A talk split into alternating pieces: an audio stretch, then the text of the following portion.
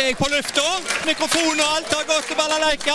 Da er det Balalaika med Alf Enden i studio igjen, og vi ser på historiske hendelser i uke 28. Og ja da, det er mye som skjedde i uke 28, ser du, historisk sett. Jeg begynner med en fødsel, jeg, i eh, 1776.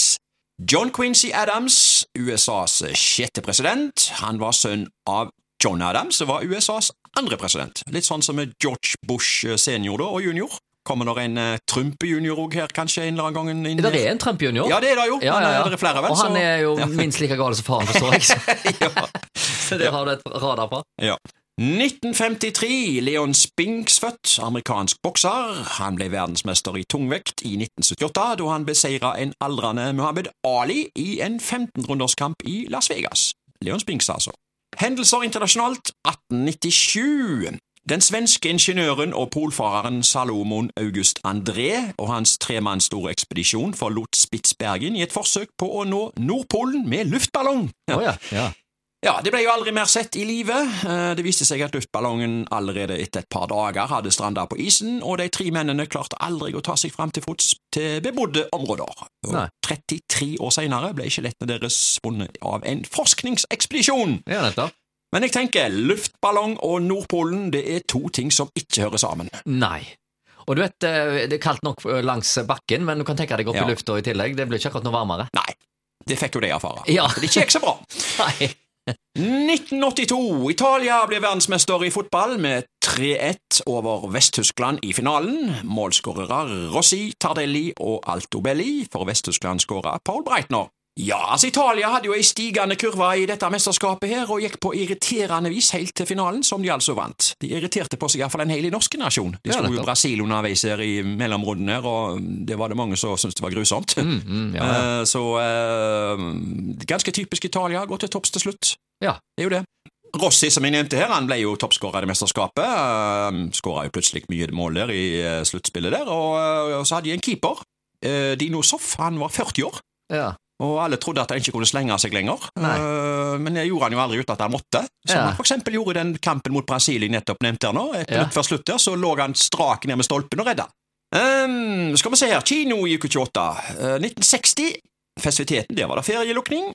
På Håndverkeren gikk en ungdomsfilm, Den forsvunne safari, og så gikk det en voksenfilm, Høyt spill i Monte Carlo, med Edward G. Robinson, Rod Steiger og Joan Collins i hovedrollene, og var ca. 25 år det før hun ble Alexis i Dynastiet. ja nettopp. I dynastiet var det. ja, ja, ja, ja, ja. 1961.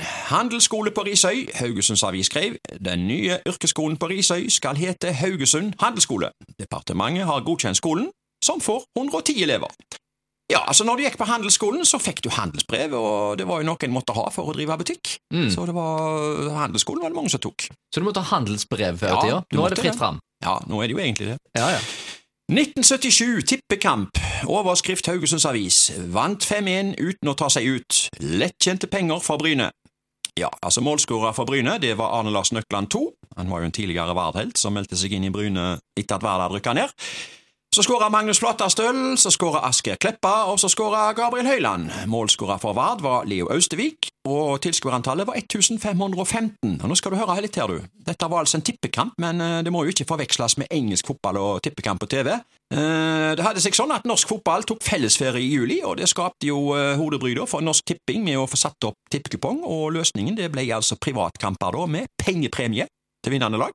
Deling på uavgjort og en liten sum til tapende lag òg. Jeg kan eh, sitere litt om kampen her. Det var noen lette 6000 kroner Bryne tjente på Haugesund stadion lørdag ettermiddag. Uten på noen måte å spille opp mot sitt beste eller å ta seg ut, vant Jærlaget hele 5-1 over Vard. At spillerne likevel rett så ofte måtte tørke svetten og bort til vannbøtten, skyldtes mer den stekende varmen enn stor tempo og innsats.